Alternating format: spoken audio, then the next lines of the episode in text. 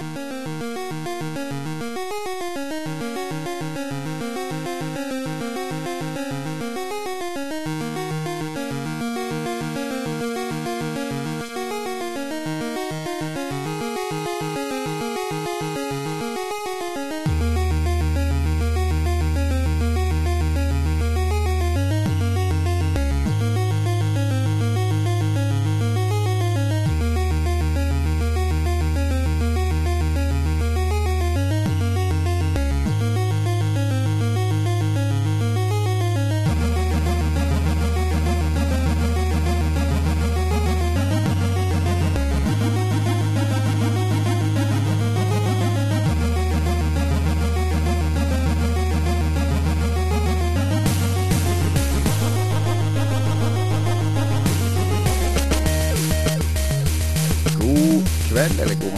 eller god dag, eller god natt. Avhengig av hvor og eh, hva du gjør når du hører på denne podkasten. Podkast nummer 66 fra Lolbua. Jeg heter Jon Cato Lorentzen, og vi har fra Harstad Lars Rikard Olsen. Hei, hei, Lars. Hallo. Og fra opprinnelig fra Kristiansand, men bosatt i Oslo, Magnus Tellefsen. Dag og dag. Lolbua er tilbake igjen etter Nå er det jo blitt sånn to, to episoder nesten på rad på rappen for de som hører på lydfiler, som jeg håper de fleste gjør. Eh, fordi forrige uke så hadde jeg Da var jeg bortreist i jobbsammenheng, og det var litt som å være sånn pappa eh, som reiser fra sine to tenåringssønner som skal være hjemme og passe hus, og sier 'jo da, pappa, det går bra, det går bra, vi har kontroll', og så våkner du hver morgen med telefon full av meldinger om at komfyren virker ikke, og det har skjedd noe, og doen er tett, og uh, det var det var, eh, det var morsomt å følge med på. Dere, dere styrte skuta sjøl forrige gang. Åssen gikk det, da? Det gikk jo dritbra, bortsett fra noen små uh, issues, uh, kanskje. Som at uh, eh, medprogramlederen glemte å ta opp lyden sin. Ja, men uh, utover sånne små detaljer som det, så, så syns jeg, Ja. jeg det gikk på skinner her. Altså. Det gikk helt konge. Det Vi er var strålende. Det var en bra ja, Jeg har hørt halve episoden, og det var bra. Dere hadde jo fått uh, de celebre gjestene, kanskje noen av de mest attraktive spillfolkene i hele Norge. Ja, det, det er sånn vi gjør det når vi, når vi legger godvilja til i Lolbua minus én. Ja, ja. Hvor, Hvordan var det? Var det litt sånn intimiderende? For vanligvis kan dere jo gjemme dere bak den der eh, breiale og eh, erfarne programlederen deres. Men nå hadde dere, måtte dere gjemme dere bak hverandre. Åssen gikk det? Vi, først må vi tenke på det ordet 'erfarne programlederen', som jo er Jeg av 66 eh, Lolbua-episoder. Det, det er eh, mer erfaring enn de fleste podkastere i Norge har. 65, om jeg må be. 65, takk. Ja, beklager. Vi er nå her, vi òg, da, for å si det sånn. Ja. Ja da, ja da. Jeg skriver Jeg prøver jo bare å vekke en reaksjon, og det funker alltid på Lars. Lars blir alltid litt sånn furten når jeg plasserer han på sidelinja. Ja, og uansett så er det jo litt sånn monkey see, monkey do. Så vi, vi prøvde jo å, å være det så mye som mulig uh, hele forrige sending, vil jeg tørre å si. Jeg var jo over Jeg snakker nordnorsk i hvert fall i en halvtime, gjorde jeg ikke det, Lars, i forrige sending? Ja, jeg var veldig imponert. Gikk utrolig inn i rollen. Så dere leste det 20-siders dokumentet jeg hadde skrevet om som programledertips og sånn. Ja, ja, ja. Meg- For meg og Skavlan. Jeg la på meg 30 kilo til sendinga forrige gang. For, Åh, der, der var vi under beltestedet. Oi, oi, oi, oi. oi. Jeg fikk pappa Det pappa var seg den på hyggelige kjeften. åpninga. Nei, velkommen til Lolbua. Vi skal ha um, nasjonalromantikk romantikkspesial, eller det blir kanskje litt feil å si. Vi skal ha um, Jeg var i Sverige nå nylig, og der så jeg var på et museum som hadde en, eh, en kunstutstilling som heter Skrekkromantiske landskap. Det er et veldig fint ord, det er skrekkromantisk. Det, det er en utstilling da med veldig dramatiske naturbilder malt av fortrinnsvis svensker og nordmenn. Og veldig sånne der naturbilder som du finner på, på heavy metal-platecover. Altså tenk Dio og, og Black Sabbath og, og litt sånne ting. Altså fjell og hav med bølger og naturkrefter i vill utfoldelse. Og det fikk meg til å tenke at kanskje vi skulle ha et program om eh, spillandskap. Um, og det er altså temaet i dag. Hva, hva, tenkte dere når dere hørte det temaet, mine to kjære venner? Uh, det første en tenker på, er jo disse spillene som, som kanskje lener seg først og fremst på landskapet. Jeg tenker jo på uh, Elder Scroll-serien som der uh, folk egentlig ikke er så interessert i selve spillet, men de er veldig interessert i, i landskapet og, og, selve verden da, og, og, friheten der. Uh, I motsetning til andre spill som kanskje ikke fokuserer like mye på. Mm. Jeg tenkte mm. på Journey med en gang. Og så ja, har jeg nettopp ja. hørt en episode av en eh, podkast som heter uh, High Score, eller noe sånt. Uh, det må jeg finne ut. Jaha. Den handler bare om spillmusikk og komponister som uh, lager spillmusikk, som de intervjuer. Og den er veldig bra. Den lagd av noe sånn nærradio i Boston eller et eller annet sykt. Så han fortalte om hvordan, hvordan han lagde den greia. Ja, så da jeg hadde Journey veldig friskt på minnet, fordi det var en episode om akkurat det ja, nettopp. Nei, vi skal snakke litt mer om, om temaet om, uh, om, noen minutter. For vi kan jo uh, få unna litt, uh, litt annet før det. Litt sånn hva, hva, har skjedd siden sist? Er det noe annet vi skal snakke om i, i, dagens sending, bortsett fra vårt tema og hva vi har spilt i det siste? La oss holde det Er det noen hemmelig. store nyheter som vi må snakke om? Nintendo skal lage mobilspill, f.eks. Ja, det må ja, vi snakke om. Men det har jo vært klart en stund, hadde ikke det? At de skulle over på mobilmarkedet? Ja, jeg tror ikke alle har trodd på det sånn veldig, i hvert fall. Nei, de har jo sagt det, da. ja da, de har snakka om at de, de, ser på det og undersøker mulighetene. Og det er jo noe av det fine, skråstrek frustrerende med Nintendo, er at de aldri hopper inn i noe nytt og utforsker med begge bein. De stikker lilletåa i, og så og så finner de noe som passer. ikke sant? Det var det de har gjort med online-delen sin, og det er det de har alltid gjort. Så, så når de nå går over, skal, eller når de nå skal lage bruke franchisene sine til nye mobilspill, så tenker jeg at de vil lage spill som passer til, til mobilene, og ikke bare konvertere. De har vel sagt at de vil lage spillene sjøl, og det har jo jeg tenkt hele tida. Hm, kommer de til å gjøre det, eller skal de bare lisensiere ut noe, en Mario-figur eller et eller annet?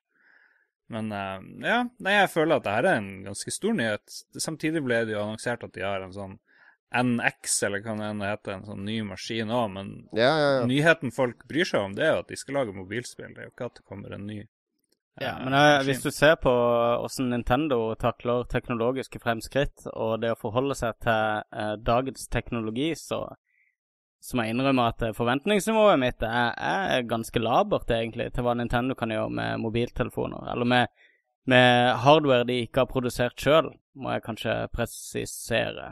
Uh, jeg sliter litt med å se åssen dette blir Åssen uh, dette er liksom en interessant utstrekning av Nintendo.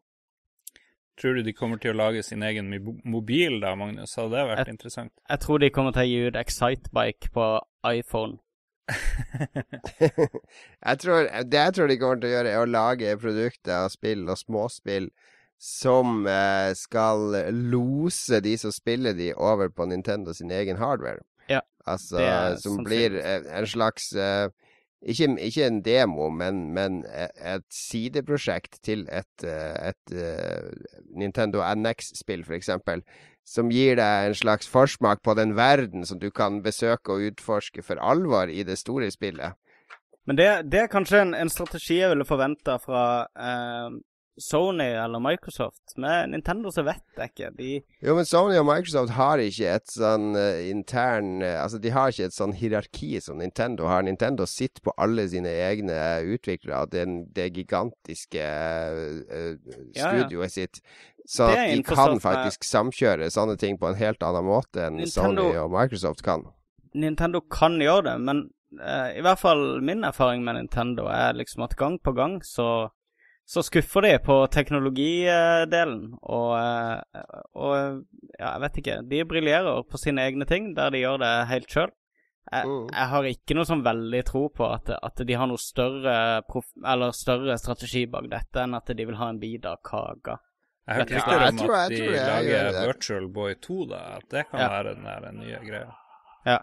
Det, det er nok en Virtual Boy iVirtual Boy, tror jeg. Det blir et gigantisk det, det headset. gigantisk headset du skal plugge til mobiltelefonen din. Hadde jo vært den beste løsninga, tror jeg. som styres med We-kontroller. det er bra med mobilspill med We-kontroller. Nei, ja, men, nei. men uh, altså Den som venter, får se. Men, men uh, jeg føler ikke de har noen merittliste på akkurat dette punktet her, som er på dette feltet her, som gjør at, uh, at det er noen grunn til å liksom ha forventningene altfor høyt i været helt ja. ennå. Ja, men det har du sagt. Det er kjedelig. Vi må være positive. Hæ? Kom an. Ja, ja, ja. Stille meg avventende. Jeg gleder meg til eh, Jeg kan ta et annet eksempel. Jeg så den Final Fantasy-demoen i dag. Jeg vet ikke om dere så den, for jeg, jeg drev og snakka om den. Jeg måtte laste den ned da du tipsa om den. Den, eller jeg så videoen, da, bare fra den Summon-greia. Det, det, økte mitt forventningsnivå fra, fra 0 til jeg vil si 83 et sted. Uh, etter å ha sett den videoen, så det er jo ikke det at jeg men du må si hva du så. så en, du må beskrive Er det ikke sånn der uh, Du så en video av en filmsekvens fra et spill, så nå gleder du deg til å oppleve den filmsekvensen i spillet? Nei, men uh, Må jo si hva det altså, var du så. Ja, det, det, videoen viser, er altså Final Fantasy-serien, i hvert fall for de som spilte typisk 7-ere og 8 og disse her på PlayStation 1, så var jo høydepunktene var jo å utforske disse sømmen spillsene du hadde, der du kunne tilkalle sånne gigantiske monstre til å ja. gjøre ett sånn gigaangrep for deg. Det var deg, veldig kult. Ja, og det, det, var veldig kult på disk 1 og ganske kult på disk 2, og ikke så kult på disk 3 når du hadde Simona di 200 ganger før. Ja, når du hadde sånn her eh, fire ganger mirror Det var ikke noe skip-button, husker du det, i Final Fantasy 7? Du hadde sånn fire ganger mirror av Nights of the Round Summon som tok tre minutter. ja, men det, det, var veldig kult å se dem, fordi de hadde en identitet, og de ga en sånn der um, Ja, de ga en identitet til magien, da, som, som vi ikke var vant til, vi som hadde spilt vestlige ja. rollespill før. Og et sånn utrolig sånn episk scope på de der uh, små kampene, som til tider kunne, kunne være litt sånn eh, ensformige. Ja, ja, ja. Uh, og og de har jo eh, De vet jo hvilke knapper de skal trykke på for å hente tilbake Final Fantasy-publikummet når de slipper videoer som dette her. Der de bare viste en uh, kjapp kamp der du fighter et, uh, et imponerende vakkert, stort monster, må vi jo innrømme, og viste litt av åssen det nye combat-systemet funker i praksis. Men idet han da tilkaller denne summon-skikkelsen jeg har skjønt det sånn at uh, det er en del som ikke vil ha det spoila hvem det er de kan få av i dette spillet, så vi trenger kanskje ikke si navnet. Men det er jo helt avsindig episk. Jeg, jeg, var veldig tett på i hvert fall å få frysninger. Noe som er relativt høyt på min skala, bare det. Uh, og plutselig så, så sa jeg til meg sjøl at ja, jeg tror det er på tide at jeg vender tilbake til Final Fantasy. En, en serie jeg har lagt brakk i ti år, kanskje. Nå får vi entusiasmen jeg syns skal, som hører hjemme i Lolbua Er Ikke ja, ikke vel? kynisk, uh, skeptisk holdning her. Det, men, ja. men, da er det greit at jeg ikke er så eh, entusiastisk for Nintendos mobiltelefonsatsing, ja, så lenge jeg er entusiastisk for Final Fantasy. Jeg gikk inn på shoppen på PSN for å se hvor mye det kosta, det her Final Fantasy Type 0, som jo den der demoen følger med. Og ja. det var litt deprimerende dyrt. Det var sånn 500 og noe kroner, så da ble jeg litt sånn mm. Ja, og det er jo greia. Det er jo en remake av et uh, eh, PSP-spill som ble gitt ut uh, eksklusivt i Japan i sin tid. Og hadde de i det minste gjort det kompatibelt med Vita, så kunne jeg vurdert å kjøpe spillet. Men det er faktisk ikke mulig å spille på Vita, selv om det i utgangspunktet er skapt. Ja, du må ha penger til Final Fantasy 15-utviklinga, så da må de jo presse ut de her eh, gamle tingene til 500 kroner. Men det er ganske mye spill nå som blir produsert eh, for PlayStation 4, som også kan I hvert fall av de, de, litt sånn mindre prosjektene, som også kan slenges ut på en Vita og spilles der. Det er jeg enig i. Ja, men der type null har fått bra kritikk, da, visstnok. Så. Ja, jeg, jeg, leste en anmeldelse der de sa at eh, når du etter hvert, etter lang tid, har eh, lært deg combat-systemet, så vil du eh, gradvis tilgi de mange, mange, mange svakhetene ellers i spillet. Da. Så eh, ja. En, jeg vil tro det er en sånn syv av ti-ting hvor, eh, hvor eh, de som er interessert i greia, kommer til å like det, og andre kanskje skygger unna. Nice, nice. Jeg kan fortelle litt hva jeg har gjort. Eh, jeg var, hele forrige uke var jeg og reiste. Jeg var i London i to dager. Jeg var i Stockholm og spilte The Witcher 3, som vi skal snakke om senere. Uh, men i London var det var en veldig hyggelig tur, da. For jeg møtte noen svensker og en danske og litt sånne ting. Og da møtte jeg en svensk um, teknologiskribent, da, en dame.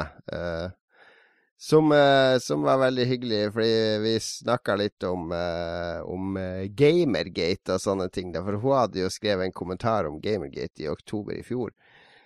Og da hadde hun selvfølgelig fått noen sånne drapstrusler på mail og, og, litt sånne stygge ting. Men så hadde hun våkna en morgen, og da hadde noen vært og skrevet 'død' i bæsj på døra hennes. Et, med, med, med menneskebæsj.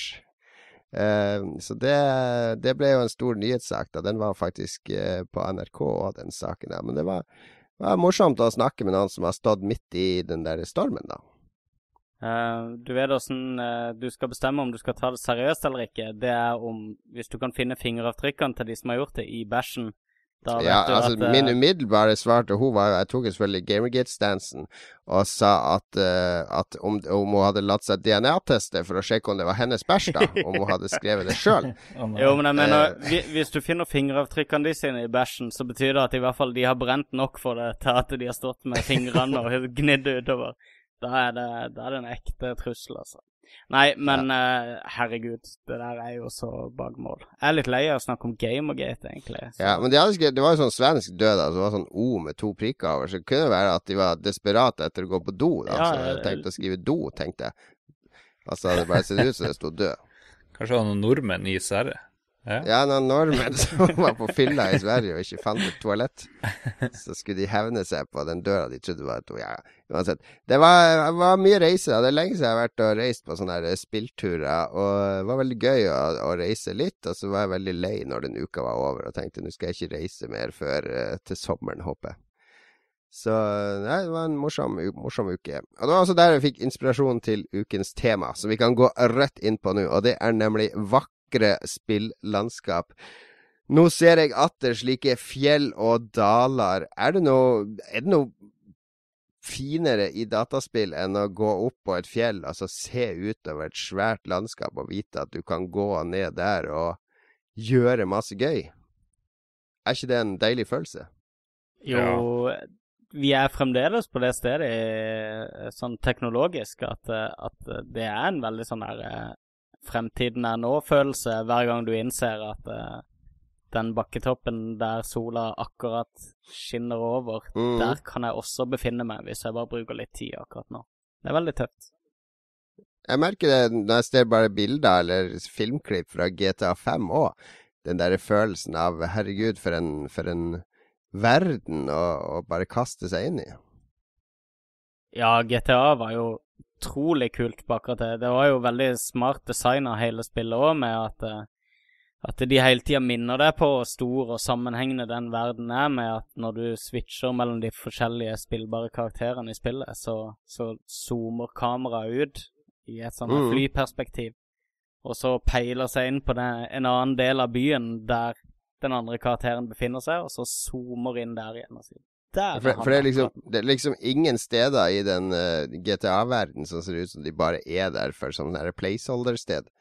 Altså, det, det, er liksom detaljert. Uansett hvor du er, så er det noe pent eller noe spennende å se på. Ja, det er helt absurd. Jeg har funnet noen steder som, hvor det skjer litt lite, men, men hvor de ville vært litt sånn overflødige. Og det blir jo litt teit òg i villmarka å måtte stappe inn en eller annen bod eller uh, happening på hver eneste kvadratmeter. Så du setter jo pris litt også på de der villmarksområdene som er uh, tomme bygningsmessig, men veldig sånn stemningsfulle. Mm. Det er noen sånne moderne spillakademikere som når de skal uh, definere dataspill som kunst og sånn, som mener at spill er utforskingens kunst. Altså at vi som spillere er utforskere, explorere. Er det, er det noe vi kjenner oss igjen i? Ja, er det ikke det? Hva er det som er morsommere enn å liksom finne de skjulte duene og pakkene i GTA-spill og den slags? Det er jo Jeg vet ikke. Ja, fordi før, før, spilte vi vel for å mestre, altså. Det handla mer om å lære seg spillet og lære seg fiendene, og så bekjemper de og vinne, på en måte. Mens nå så føler jeg at den der, eh, det der å åpne eller få tilgang til et nytt område, eller bare gå rundt og, og, være til stede i spillet nesten er beløn mer belønning enn å vinne? Nei, det, det eksemplifiseres kanskje i det spillet jeg nevnte tidligere, det er Journey, hvor du, du får ingen poeng ja, for det du gjør, ikke sant. Det er absolutt ingen belønning. og Du trenger ikke noen spesiell skill. Det er jo laga for det her Flow og Flower Journey og laga for at alle, absolutt alle skal kunne spille det her ganske lett. Så ja. Nei, det det er jo utforskingsspill òg for meg, spesielt der Flower. Det er jo, Jeg brukte vel lengre tid på det til sammen enn Journey mm. også, egentlig. Kikke på landskapene. Eller bare være i spillet. Men hva er vakre spillandskapet, egentlig? Er det landskap som ligner på vår egen verden, eller er det abstrakte landskap? Jeg vet ikke om noe, Det er et PC-spill som heter Frakt OSC, eh, der, som er sånn der du aktiverer sånne synthesizere i det sånn 3D, sånn Trond-aktig landskap, da, med, med vekt, vektorlinje og, og rene flater og sånne ting. Uh, og det er for meg veldig sånn uh, Det er veldig art. Det føles som jeg er inne i en datamaskin når jeg går rundt der, ikke sant. Det er ikke, noe, det er ikke noe jeg kan oppleve i virkeligheten, men hvis jeg spiller Skyrim eller Witcher eller GTA, så føler jeg at nå er jeg på steder som, som minner meg om virkeligheten. Hva, hva, er mest virkningsfullt? Altså, Windwaker har noen av de mest vakre landskapene ja. jeg har sett, men de har jo ingenting med Det er jo en, det er jo en veldig eh, abstrakt versjon av, av, virkeligheten. Helt siden 3D-grafikken begynte å dukke opp i spill, så har jeg hatt et sånn brennende ønske om å kunne befinne meg i tegnefilmer på type sånn Disney-klassikernivå tegnemessig. Um, ja. Og uh, nå begynner det jo å bli realistisk å få realisert dette her. Uh, 15 år seinere. Uh, jeg er veldig fascinert av tegneserieverdenen, da. Og Windwaker syns jeg var helt nydelig. Det syns jeg fremdeles er pent. Um, Eh, jeg trekker nok mer mot de eller typiske sånn eventyrlandskap uh, enn jeg trekker mot uh, sånn abstrakte sci-fi-landskap og sånne ting som det. Det skal jeg innrømme. Men hvis dere skal se utover en utsikt eller et eller annet, så er det jo litt kjedelig å se utover en by, kanskje, hvis ikke det er veldig fint. Spesielt lys, kanskje noe dis eller et eller annet. Og så hvis du nå er i skogen, så har du sett det. og ganske mange ganger hvis ikke du kommer til en sånn veldig spesiell plass. Men for meg så er det jo det nye som er litt kult. Hvis jeg havner på en plass hvor jeg ikke er så veldig kjent. ikke sant? Hvis jeg hadde blitt dumpa ned i ørkenen, så hadde jeg brukt mye lengre tid på å se meg rundt enn hvis jeg havna oppi skauen like oppe hos meg. Og Sånn sett så syns jeg jo den der eh, Journey er fin, for den er så annerledes. Og også det nye Ori and the Blind Forest, som jo er ganske sånn en spesiell type skog. Ikke sånn som jeg er kjent med, i hvert fall det er jo mye mer inne på dette tegneserieområdet som jeg trives. Og et spill jeg hadde tenkt å nevne litt seinere også, når vi snakker om hva vi har spilt i det siste. Mm. Jeg, jeg, jeg, føler at Eller det her er noe Vi skal høre et intervju eh, om en liten stund. For jeg, når jeg var i Sverige, så prøvde jeg The Witcher 3. Og så fikk jeg et intervju med en som heter Jonas, og han er sånn lead environmental artist eh, på, på ICD Project Red. Uh, og, han eh, er jo ansvarlig for, for, landskapene og områdene og tingene i de landskapene. Og der vi snakker, der nevner jeg så vidt det der med, med realistiske landskap versus For jeg syns f.eks. japanske rollespill, eller mange japanske rollespill, spesielt de moderne, sånn som Xenoblade Chronicles og også Final Fantasy og sånn, de er veldig flinke til å blande sånn tradisjonell eh, fantasy-utseende med kontemporære effekter. For eksempel Final Fantasy 15 så har du en bil og en roadtrip blanda med sverd og rustninger og så. Altså, de, de, de lager en lapskaus av inntrykk fra fortid og fremtid og ren fantasi. Eh, mens vestlige rollespill, da, men syns jeg, da, er veldig opptatt av å lage sånn Tolkien-aktige, eh, mer realistiske gjengivelser av, av, ting og tang. Og jeg syns kanskje det, det, japanske er litt mer inspirerende, da, fordi at det viser meg ting som jeg aldri har satt sammen i hodet mitt sjøl. Ja. Er det for tidlig å kaste drit på, hva, på The Witcher-universet? Jeg syns jo det Nå har jeg ikke spilt så mye av det, men jeg syns det er litt eh, kanskje noe av det du sier, at det her Bjørkeskogen er litt boring, på et vis.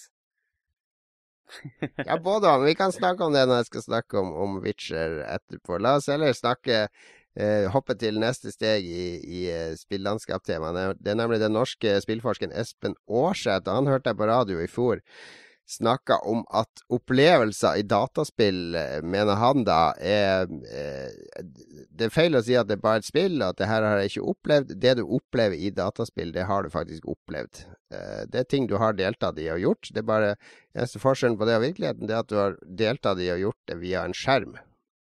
Og i en virtuell verden i stedet for en ekte verden.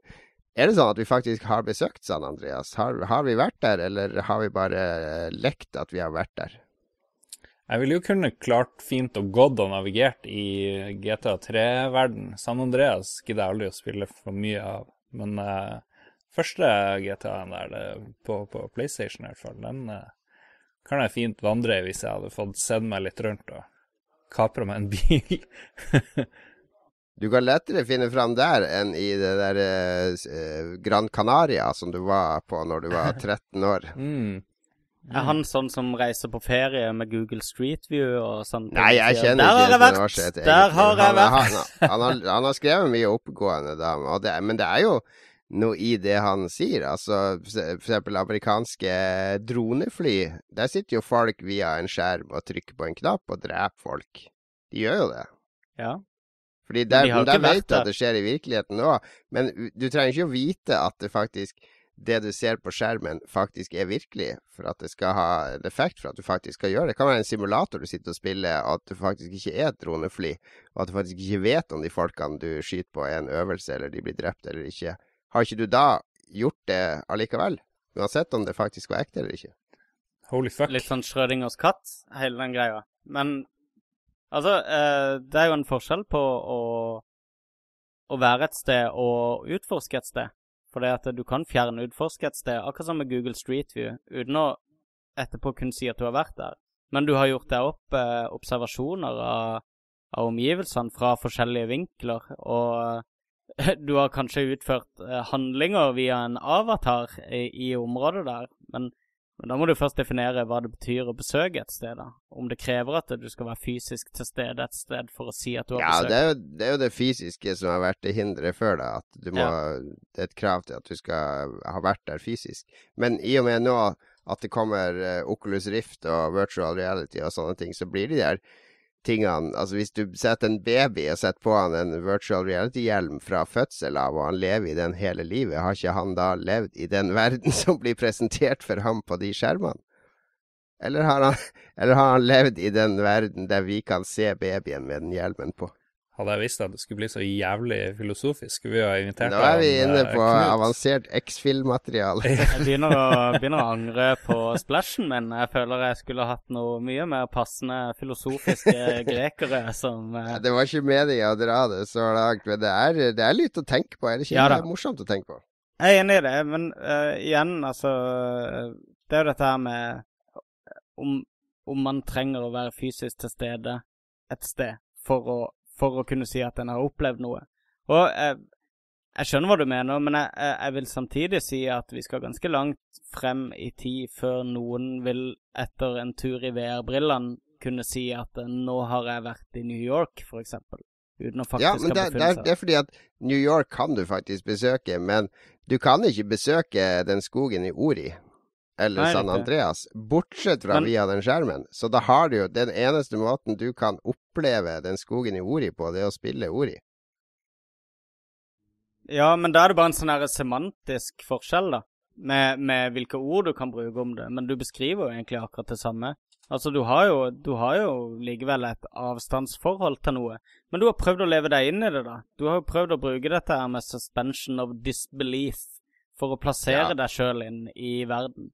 Men jeg har aldri vært i Narnia, og jeg leste alle de bøkene da jeg var liten. Ja, det var akkurat det jeg tenkte på. Men ja. hvis du tenker på bøkene som du husker best, scenene du husker best, og folkene du husker best, så har du kanskje knytta følelser til dem, ikke sant? Sånn at mm. du har ikke bare opplevelsen av å lese det og se det for deg, men du har òg en sånn feeling av det. Og det er jo mye av det du gjør hvis du er på et sted og er der. Jeg tipper man kan ha sterkere minner av en film til og med, og en bok og et spill enn et sted du faktisk var uh, på det ordentlige. Men da er, det jo, ja, da, da er jo spørsmålet hva er å, å være og leve, ikke sant? Jo, jo, jo, men, men, husk, den store forskjellen på bøker og film og spill er jo at i spillet så er det du som styrer deg sjøl i omgivelsene. Altså i bøkene og film så opplever du en lineær opplevelse satte steder og andre ting. Du får inntrykk av hvordan de stedene er og alt mulig sånn, men i spill så kan du stoppe opp, og du kan, du kan være der. Du kan rett og slett bare være der. Men krever det at man har opplevelser på stedet for å kunne si at man har besøkt det? For det at for det, ja, da, opplevelsen da er, er, jo der. Til... Bare, bare, du er der, så opplever du å være der. Du kan stå i GTA og se på biler kjøre forbi og bare ja, rusle. Sånn som han der Tommy, eh, han som programmerte Super Meatboy, han hadde jo sånn walkathon der han har gått på tvers av alle GTA-spillene. Der det ikke er lov å løpe. Du må gå liksom på tvers av kartet. Men da er vi altså litt sånn tilbake til dette med forskjellen til Google Street View. For det, det du sier, er at forskjellen er at stedet fins fra før av, så det fins en grad nærmere å besøke det i virkeligheten, og du kan derfor ikke si at du har besøkt det. Mens i, i spill så er du så nærme du kommer, og derfor kan du si at du har besøkt det. Da tror jeg heller en må konkludere med at en ikke kan besøke spillverdener. For det at du har ikke den samme graden av nærvær i spillverdener som det du har i den virkelige verden. Ja, ikke, ikke etter Oculus Rift kommer. Ja, men hva er forskjellen? Forskjellen er jo at kroppen din ikke er til stede i den verden. Men hvis hjernen din og øynene dine og ørene dine, og etter hvert også nesen din, er i den verden, så, så er det jo da er jo fem av seks Hvis fem av seks av sansene dine er der, så, så, så, kan du jo si at du er der. Så hvis du drømmer at du har vært på Gran Canaria, da har du vært på Gran Canaria? For det at da var ja, hele sanseapparatet ditt på plass? Ja, men drømmer er jo noe annet. De, ja, fleste jeg, drømmer jeg, forsvinner jo mye lettere enn vanlige minner, ikke sant? Ja, Uansett men de minner. som sitter, er jo fulle sanseopplevelser, da. Jeg bare Jeg prøver bare å problematisere, fordi dere virker så veldig med på denne teorien. så Nei, men jeg, bare si ifra. Det må jo gå an å tenke rundt det. Nei, jeg vet ikke. Ja. Jeg vet ikke hvor langt vi skal dra det før eh, alle som hører på, blir lei. Men jeg er ikke med på det der med at det er sånn kjempestor vesensforskjell i å spille noe aktivt og det å erfare noe, en film eller en bok eller noe sånt. Fordi målet til en forfatter eller en skuespiller er jo at vi skal komme inn i deres karakterer og føle noe og liksom bli dem på et vis, nesten. Og, ja, du skal tro på det som skjer. Ja, og med empati. Jeg tror de fleste filmer og bøker klarer det bedre i dag enn mange dataspill. Så jeg vet ikke. Kanskje det ja, er et stort potensial. Filmer og bøker er vinduer inn i hodene til folk, mens spill er ofte vinduer inn i uh, andre verdener. Jeg tror det er en bedre distinksjon når det kommer til handling. Altså, du er, du er, hovedpersonen i mye større grad i et uh, dataspill, mens i en film ja. så er du i beste fall til stede som en tilskuer, ikke sant? Hvis du tror på det 100 Jo. Men la oss uh, konkludere med Lars. Har ikke jeg og du vært sammen i Walt of Glass? Ja, vi har vært der, sant? Jo da, vi har vært der. Jeg husker noen gang mye bedre. Vi har til og med vært der sammen. Vi har delt den opplevelsen. Er ikke det selve essensen av å, å reise sammen, og, eller å dele opplevelser sammen? Altså, vi, vi, har jo delt den Det er jo en virkelig opplevelse for oss de gangene vi har vært i Walt of Glass. Mm, ja. Men det er det å snakke Nei, det, på telefonen nå. Det, det, er mye Det er så mye Det er så mye som kan avgjøre om du er, om er vellykka i et spill eller ikke. Det kan være hvis du er sånn som der i Destiny, Volt of Glass og det multiplier, at folk har snakket i lag og sånt, mens andre ganger når du er i et multiplierspill, så handler det kun om å Folk er ganske stille og bitre fordi de er lei, og så vet alle hva de skal gjøre. Så da blir det mye mer mekanikk, og det blir mye mer sånn Jeg kan like gjerne høre på en podkast mens jeg spiller det, fordi jeg er liksom Jo, jo, jo, men alle dere er der sammen der og da allikevel. Ikke 100 hvis, hvis dere må gjøre rede for hvor dere var klokka syv fredag kveld, så jo, jeg var, i, var i Walt, jeg var i Walt of Glass med Lars og tre andre. Ja, men jeg var mye mer der første gangen vi gjorde det. Første gangen vi tok uh, det nye raidet i Destiny, og vi styrte på. Folk var nervøse, og det var sånn Da var jeg der sånn 100% Men 90 av gangene ellers så er jeg jo ikke det. Så ja. Sånne opplevelser har jeg også vært med på i masse multiplayerspill. Som virkelig minneverdige opplevelser er delt sammen med ja. uh, ganske mange andre. Men det Lars sa der, er jo kjempeinteressant, fordi han er ikke i Destiny 100% lenger. Akkurat som vi f.eks. ikke er i den virkelige verden 100% lenger, for vi har som regel eh, 20-30 av oppmerksomheten vår ned på den lille skjermen som vi har i hånda hele tida når vi sitter på bussen, eller venter på bussen, eller går på butikken. Vi går rundt med et vindu til en virtuell verden i lomma mens vi går i den virkelige verden. Vi må dele vår oppmerksomhet mellom to verdener. Ja, både òg. Og der er du inne på litt sånn Det kommer litt an på hva du bruker mobiltelefonen din til. Hvis jeg sitter og leser avisen på mobilen min på trikken, så føler jeg ikke helt at det er liksom Men nå er du bare vanskelig. Vindu til en annen vær. Ja, nå kverulerer jeg litt. Vi skal kutte ja. der før, uh, før folk uh, skipper til neste podkast. Vi skal avslutte vår temadebatt med et uh, 15 minutter langt intervju fra når jeg var i Sverige. For jeg møtte Jonas. Han er landskaps... Han er en lead environment artist, som det heter i CD Project Red. Han har jobba der i nesten ti år, så han har vært med på tror jeg, alle Witcher-spillene. og og flere andre spill der. Og uh, han var en veldig hyggelig fyr jeg møtte i Stockholm. Møtte han og en polakk som jeg ikke skal prøve å uttale navnet på, som også er med og snakker litt. Uh, og intervjuet begynner da fordi i den spillprøvinga Jeg fikk spille det i seks timer, og den ene delen av spillet jeg fikk spille, det foregikk på noen sånne øyer som var veldig vikinginspirert. Altså alle helt uh, Alle folk het Leif og Ulf og, og sånne ting. Og så var det sånne sjøfolk og fiskere og krigere. Og så var det også litt sånn skotsk inspirert. Da. De hadde sånne kilter, og det var sånn rar fusjon av to kulturer fra vår virkelige verden. Igjen det vi snakka litt om i sted, med at, vestlig rollespill tar ting fra vår verden og bare spinner de rundt. Så, så når intervjuet begynner, så, så snakker vi litt om disse øyene, da.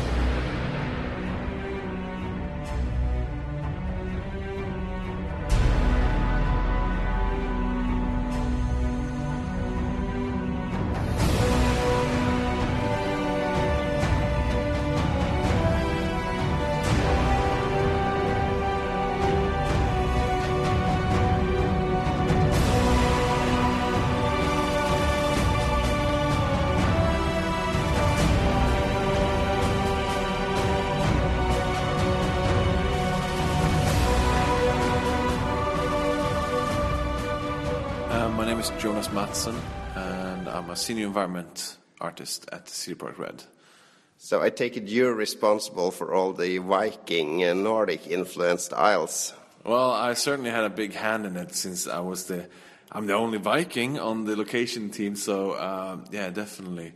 Uh, if they wanted some names, double check the meaning of that and that, they often came to me, and you know, I, I put a lot of work on these isles as well.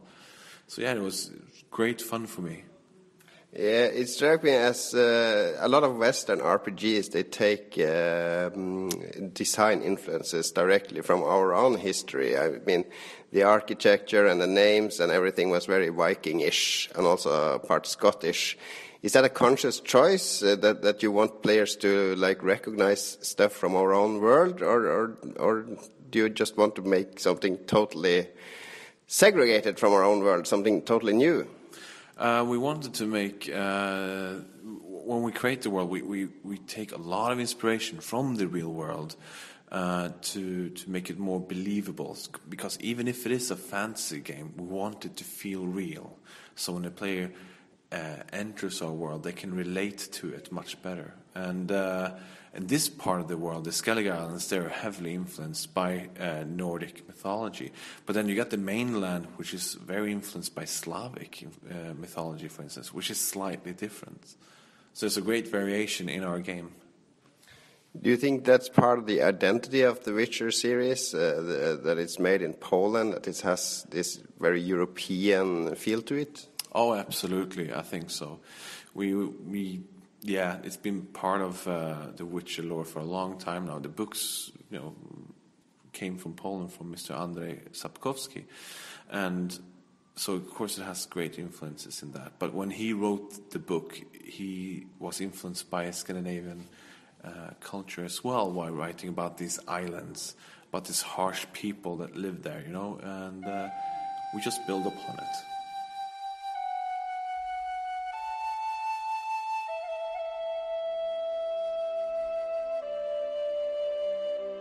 Hey, I'm Michał Platkov-Gileski. I'm responsible for global communication, which means talking about the game, meeting with people, going for all the events, and presenting the game. Cool. Uh, I think among uh, the PC game developers, uh, you guys are, are up there with Valve and Blizzard in terms of popularity. I mean, you have a very dedicated fan base, and and people are generally very happy with your choices. You, you make statements about things like DLC or, and stuff like that. Uh, the, how, how did you build up this, this reputation for being like the gamers uh, guys? Well, guys who founded our company, so uh, Marcin and Michał, they were gamers. All started with the love for the games, and I think that they never forget about that. And on every step, whatever they decide to do, they are coming back to, to memories of these days, of the days when everything started. And they are actually still gamers. Maybe not so hardcore uh, like back in the days, uh, but they are playing and they want to treat the gamers, people, the same way they are treated by others, or they would like to be treated by others. Yeah. Uh, so there is this term "gamers for gamers." It's it's true actually, uh, and if they just remember about the core values that they have and they brought to the company, everything goes into the right direction for us. Let's talk a bit more about the game. Uh, it's it's uh, a fantasy game. Uh, has a fantasy setting, lots of nature, ruins, uh, old towns, medieval style, uh, and, and we've experienced this in games like Skyrim and Dragon Age and stuff like that. How how difficult is it to create, you know, woods, rocks, nature, ruins uh, over and over again and make it feel special, make it feel uh, unique? Uh, it's certainly tricky, but it's fun. We really enjoy it because otherwise we wouldn't do it. it, it it's it's just you, I take great pleasure of creating something. And I'm like, oh yeah, when the player goes through this valley, they'll see the top of the ruin there, and they'll think, oh, what's there? And so you make these beautiful paths and scenery around it, and you, your your imagination spirals out a bit out of control. You keep imagining, oh, this is so cool, this is awesome, this is going to be great when you see this here, and it's going to be amazing. So you, you keep working with this passion, this this burning flame you have inside of you that we're all we're all so very passionate about it, and uh, it just shows in our game. When we create it, we all care so much. We want to make it as good as possible. But it's, it's designing. Obviously, you're you're designing these huge, huge maps. Uh, putting quests in there, tying everything together. How is the process there? Are are you like making outlines of the maps and towns, and then uh, the quests and the storylines fill in based on what you want to create, or do you have like a very strict script and then you create the whole world around uh, everything? Uh, well, we have certain things from story that needs to be in place. But the whole game has grown very organically. It's evolved uh, like together. All the teams have created. They wanted something. Uh, we created for them, and we built upon that idea what they wanted. So they wanted a house with a basement. Oh, okay, so we'll make that. Maybe it's a farm. Maybe it's an abandoned farm in a deep forest. Uh, so we keep building like that, and sometimes we've even created something that just is in the real uh, in in the world there, and they've seen it and gone, well, should we not place a quest there? It's a really cool location, and suddenly there's a quest there. Maybe there's a monster lurking there, so it, it, it's all organically just happened a lot of the game because it was all about having the right feel when you're playing the game. You feel like mm, something's missing here. Let's play something here. Yeah, it would be cool. Let's place this there. So it's all very, it's all just happened.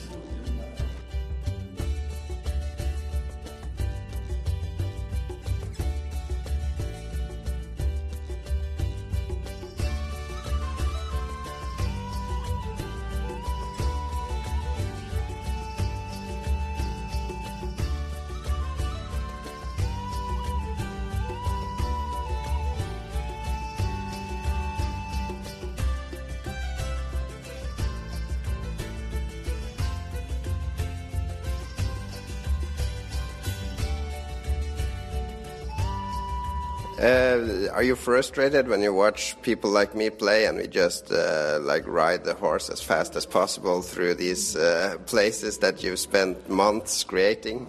We try not to think about it. it's, it's, no, but seriously, it's it's it's it's um, it's not for the moment when people ride past it. It's for the moment when people stop and they have that 10 second look around and you want to make sure that that 10 seconds they looking around it's beautiful.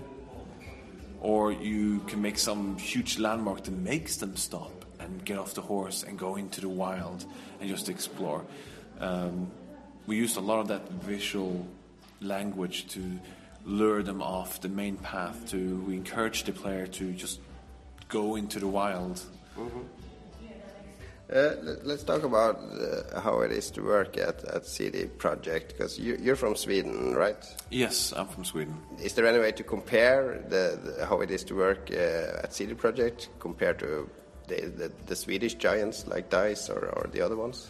Um, I only heard a little bit here and there, but from my own personal experience from working at different companies, I can say that CD Projekt Red is really passionate at what they do and have a very high standard uh, of their work. So when I joined there, I already had a few years behind me working in industry, but I felt like I was, for the first time in industry, I had to like, wow, this is the people that inspire me, makes me want to become even better than before and learn and really push myself to the limits and even beyond. So the passion, you really notice it at coming in the office, coming in Monday morning, and you just you feed off it. It keeps you going. It, it's um, yeah, for me, that's the biggest difference I noticed between companies. Creating assets, we talked briefly about it for a fantasy game. There's a lot of nature, a lot of rocks, and uh, now you're probably going to stop me, but you're also working on another game that's totally the opposite, which is a lot of furniture and a lot of technology. which do you prefer creating, uh, nature and fantasy or future and sci-fi?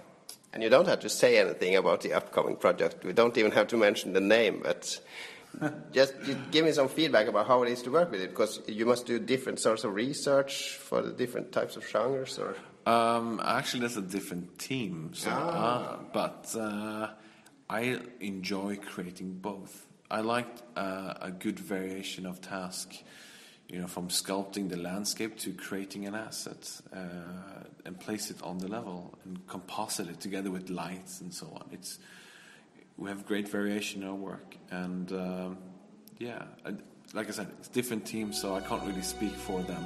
Mm-hmm.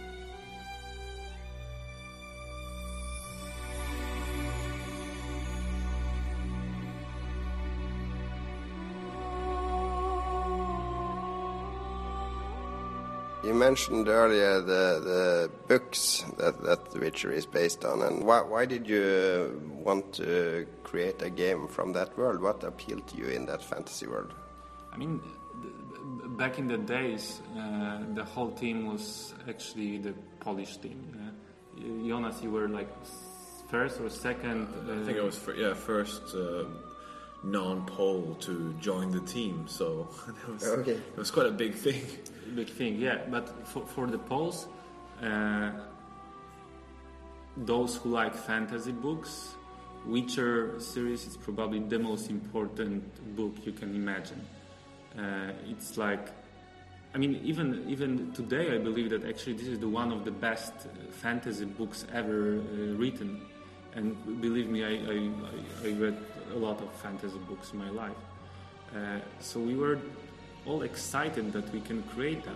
And when uh, our our co-founders Miho and Marcin decided to, to create the game, uh, role-playing game, because they were role-playing fans, they immediately think the Witcher, that's the, the, the best setting you can imagine, because uh, it bonds so so strong with with, with Poland, with uh-huh. our tradition or, or Slavic culture. Mm. That That's the impression I get from the games as well. That's yeah. part of the uniqueness of the games is that it, it feels like it it has some cultural roots in, in Poland and, and the team really want to yeah. I mean, a lot of RPGs are Tolkien and, and, and watered down to appeal to everyone. Yeah, although it's not not everywhere. I mean, you will be in places which are not inspired by Slavic mythology at all.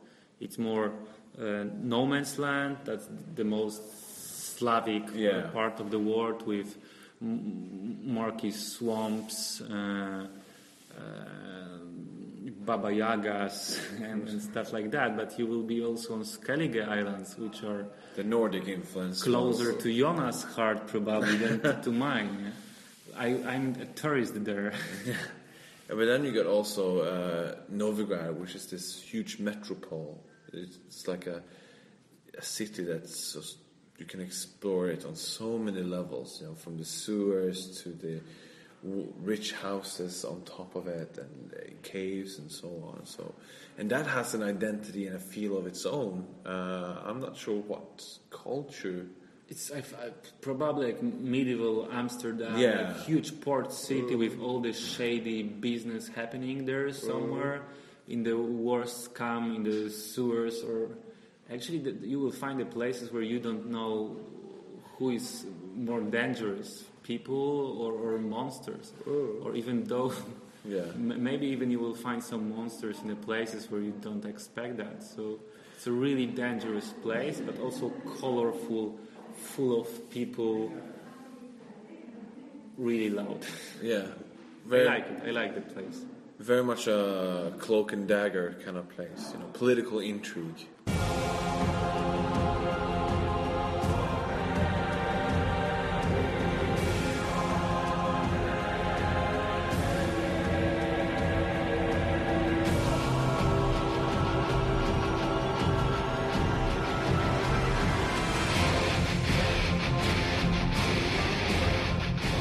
Takk til eh, CD Project Red uh, for den innsikten. Uh, musikken vi hørte i det innslaget, er alt fra Witcher 2, da, for jeg har ikke Witcher 3-soundtracket ennå. Men det var faktisk et par minneverdige låter i det spillet når jeg spilte det. Vi skal snakke om hva vi har spilt i det siste. Siden vi allerede er på Witcher-kjøret etter det intervjuet, kanskje jeg skal begynne, da? Gjør det. For jeg har, jeg har som sagt spilt Witcher 3 i noen timer. Jeg var i uh, Namco Bandai uh, lurte på om jeg hadde lyst til å dra til Stockholm for å spille Witcher 3, fordi alle andre medier i Norge hadde sagt nei, så da kom de nederst på lista. Der sto det Lolbua. så takk til Namco Bandai for, for det. Uh, Lolbua takker selvsagt ja til sånt.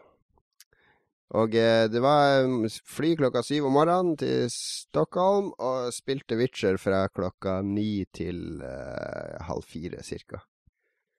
Og det var ganske gøy. Vi fikk spille to deler av spillet. Det første var en prolog som er eh, som, som varer i tre timer, hvis du har lyst. Eh, det er liksom sånn intro-oppdrag i en gigantisk dal. Eh, der du er på jakt etter en dame sammen med en annen witcher. Og så må du selvfølgelig snakke med folk i landsbyen, og så må du jakte på en sånn griffin som driver og terroriserer landsbygda, og så er det en sånn eh, imperiehær som har invadert. Og, uh, og tatt over området, så du må drive og forhandle litt med de, og det er masse dukker jo opp sånne fire-fem sidequests. Så jeg vet ikke med dere, men jeg er sånn her completionist, så jeg, eh, jeg, kan ikke gå videre fra et område med sånn uløste sidequests. Mm -hmm. det, det, er sånn tvangstanke, nesten. Jeg løste det, det, altså... ja, jeg løste det problemet i Dragon Age Inquisition med å gi meg etter en time. Men det er min last også, dette her med at eh, alle dører skal åpnes, alle rom skal utforskes, alle kister og skap skal sjekkes. Det er jo et helvete, egentlig. Ja, men uh, en blir liksom litt sånn du kommer litt inn i en liten sånn groove på det, da. Det er jo grinding, ja, basically. Men jeg klarer jo... aldri å full 100 et spill som er så ille, liksom. Sånn som Skyrim og den slags. Jeg prøver ikke på de spillene, for jeg er ikke så interessert. Jeg må være ordentlig motivert for å gjøre det, da. Men jeg har også en enorm hukommelse når det kommer til dører som ennå ikke er åpna, kister en trengte skills til, eller hvis jeg mangler noen materials til å åpne et skap, eller whatever. Så, så kan jeg huske sånn en, en 10-15 timer tilbake i spillet, så um, det, det, er en bra kombinasjon for min hjerne å spille den type spill. Jeg slapper litt av når jeg driver på sånn. Det er også grunnen til at jeg spiller en del uh, online-rollespill. Ja, Men det, det, er et utforskingsaspekt. Uh, ja da, og det, det, er masse å utforske i Witcher 3. Altså, jeg var ikke i nærheten av å, å, skjønne helt hvordan hele den svære dalen hang sammen da jeg rei på kryss og tvers av den og svømte og dykka. Og, og det, det, var masse sånne uh, secrets overalt. Ikke så tett som i, i, Dragon Age, så er det jo så tett at du kan jo knapt gå fem meter før det kommer en ny quest. Men, ja. uh, men her er det mer sånn herre hm, det der på toppen der ser interessant ut, og så er det noe interessant der, eller hva er det under den brua der, og så er det noe artig under den brua, osv. For det var jo ikke toeren så veldig bra på, syns jeg. Var... Toeren har mer sånn trange korridorer i skogene og sånn. Ja. her er det mye mer åpent. Du kan ri nesten hvor du vil, i alle retninger du vil. Og det er ikke sånn at hele verden er ett stort kart, virka det som da. Fordi eh, etter jeg hadde spilt gjennom prologen og klart den, så, så hoppa de meg fram til level 15-16, og da var jeg ute på en sånn øy helt vest på kartet.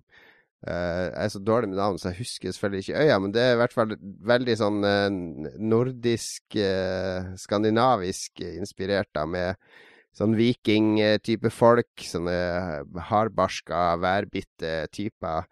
Uh, tenk Game of Thrones, de der uh, sjø, sjøfolkene som Med han derre faren og sønnen som kommer tilbake, og hele den triste historien. Altså sånn ganske bitre, bitre folk, og også veldig sånn litt sånn skotskaktig.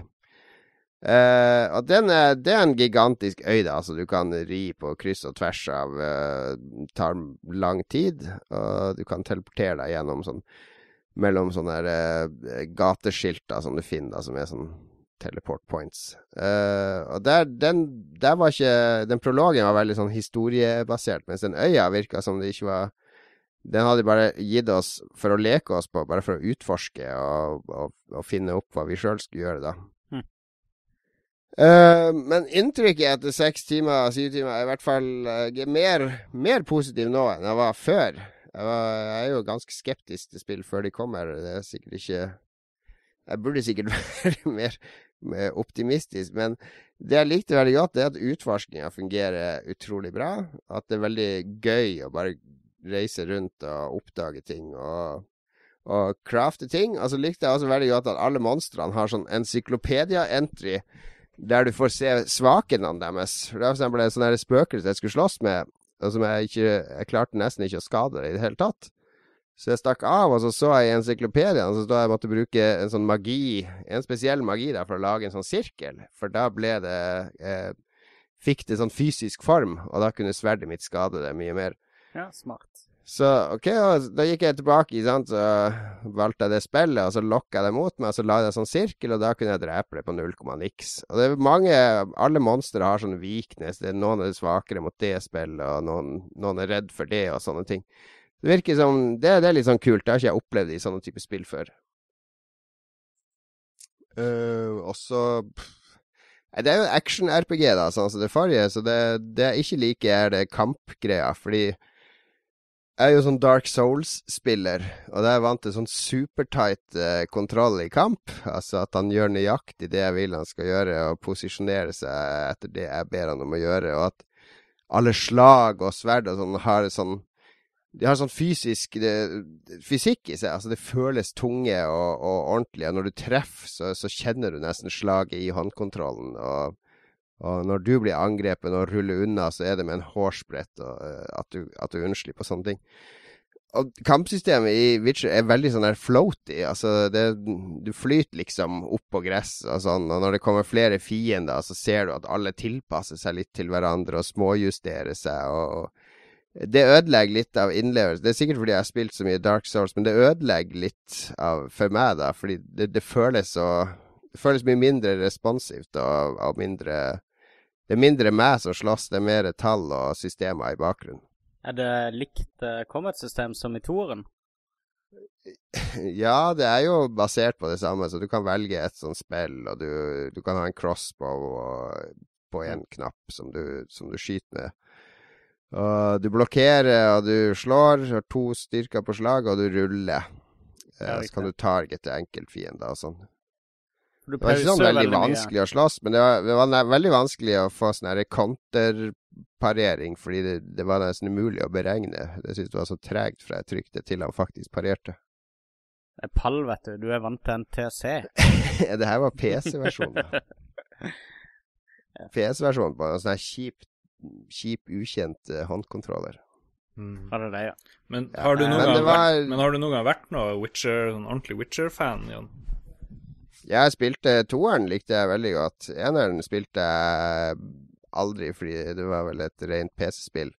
Jeg hadde ikke sånn bra spill-PC da. Men toeren eh, syns jeg var gøy.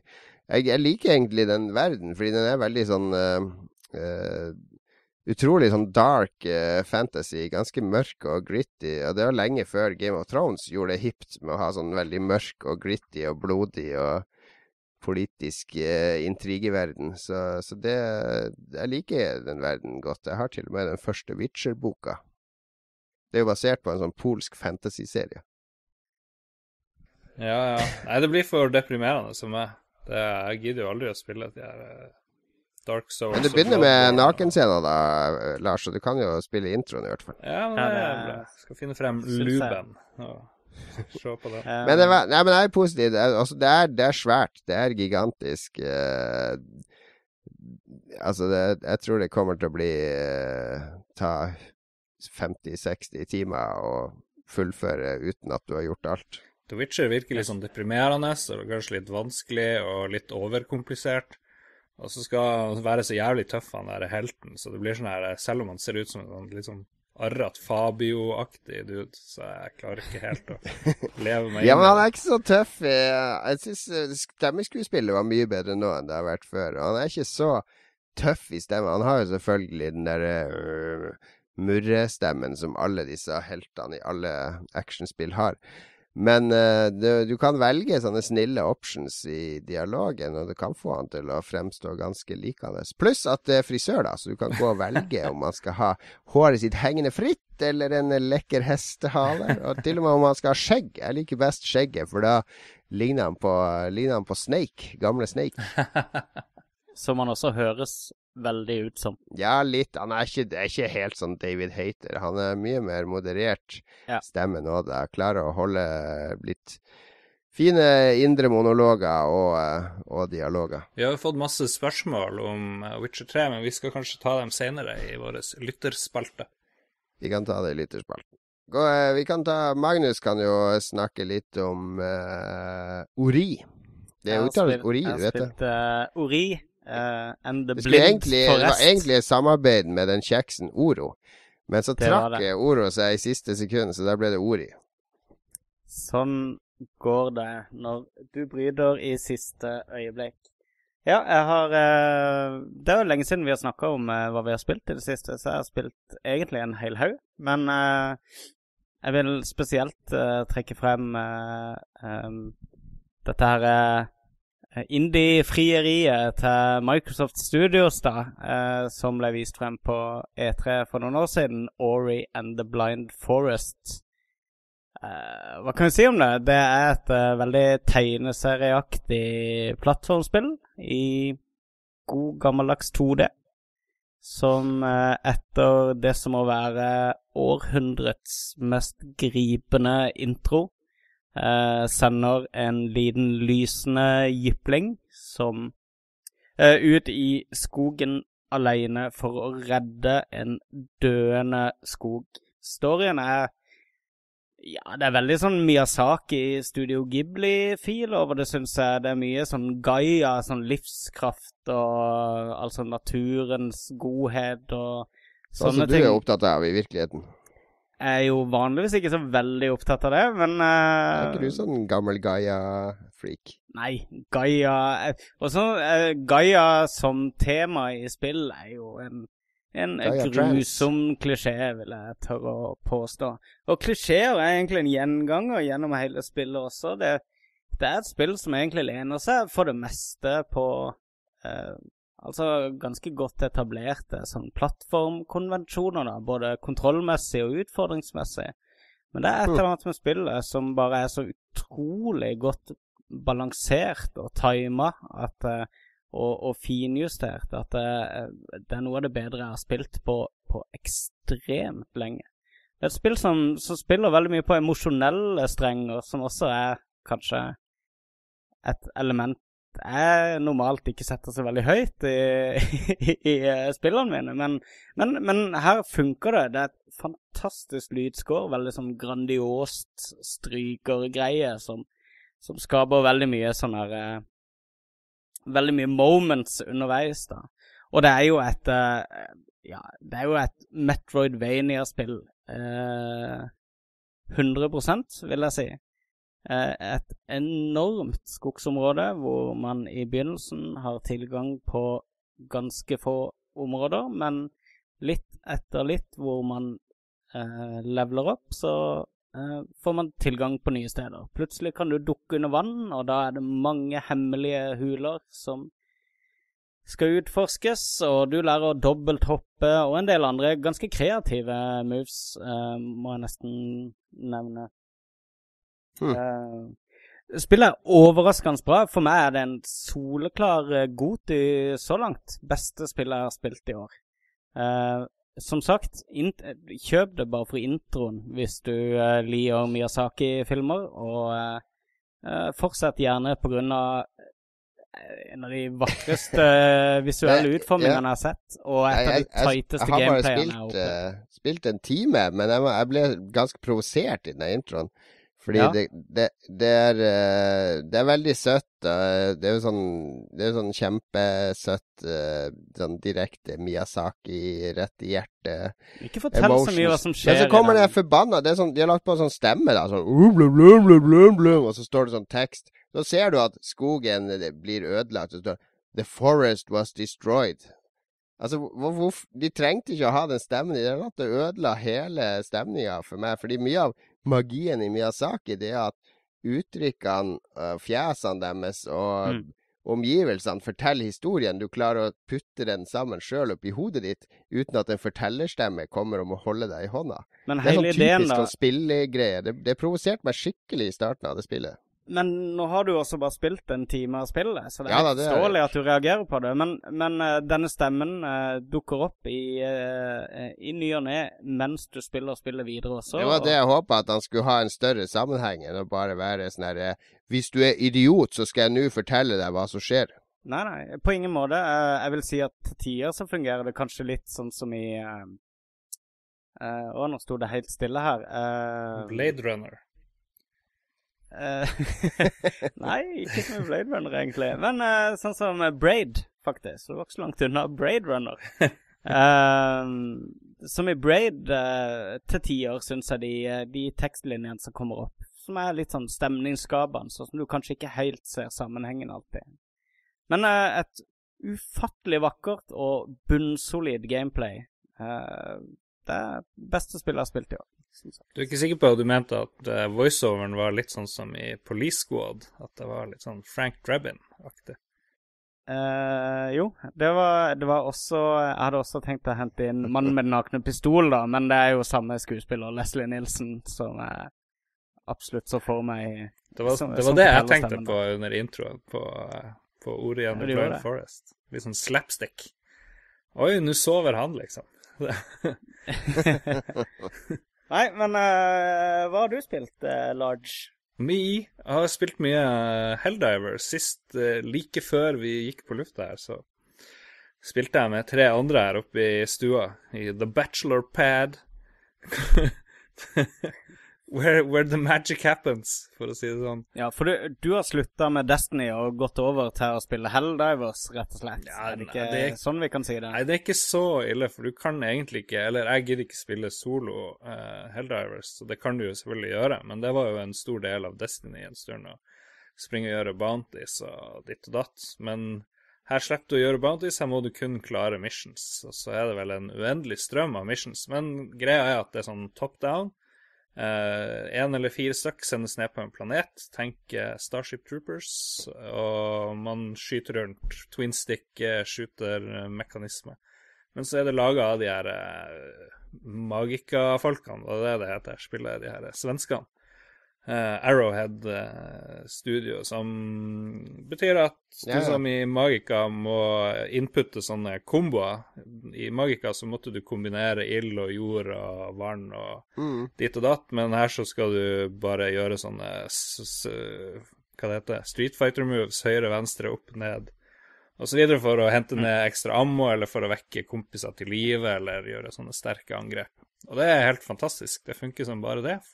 Og litt av hemmeligheten er at friendly fire er på, så du driver hele tida og dreper dine egne kompiser. Og da blir det krangling og vill stemning, for det, vi blir nesten mer drept av hverandre enn av fiendene.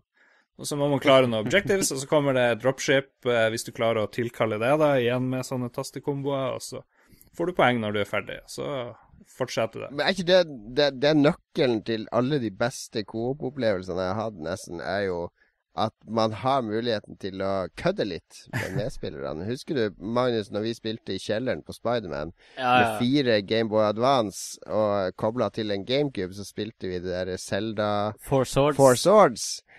Og der han en av oss Han begynte å skulle bare kødde, da. Så han skulle med spaden grave i gresset så det ble sånn hakekorsmønster, og nekta å gå videre til neste brett. Så vi måtte hele tida drive og plukke han opp, og så bære han med oss til neste brett. Hver gang vi gikk forbi en bondegård med kyllinger, så begynte han å slå løs på kyllingene, for da blir hele skjermen flodda med kyllinger, og alle dør. Det var ja, vi var, ja, Det er ikke morsomt lenger nå. Det er ikke morsomt lenger nå.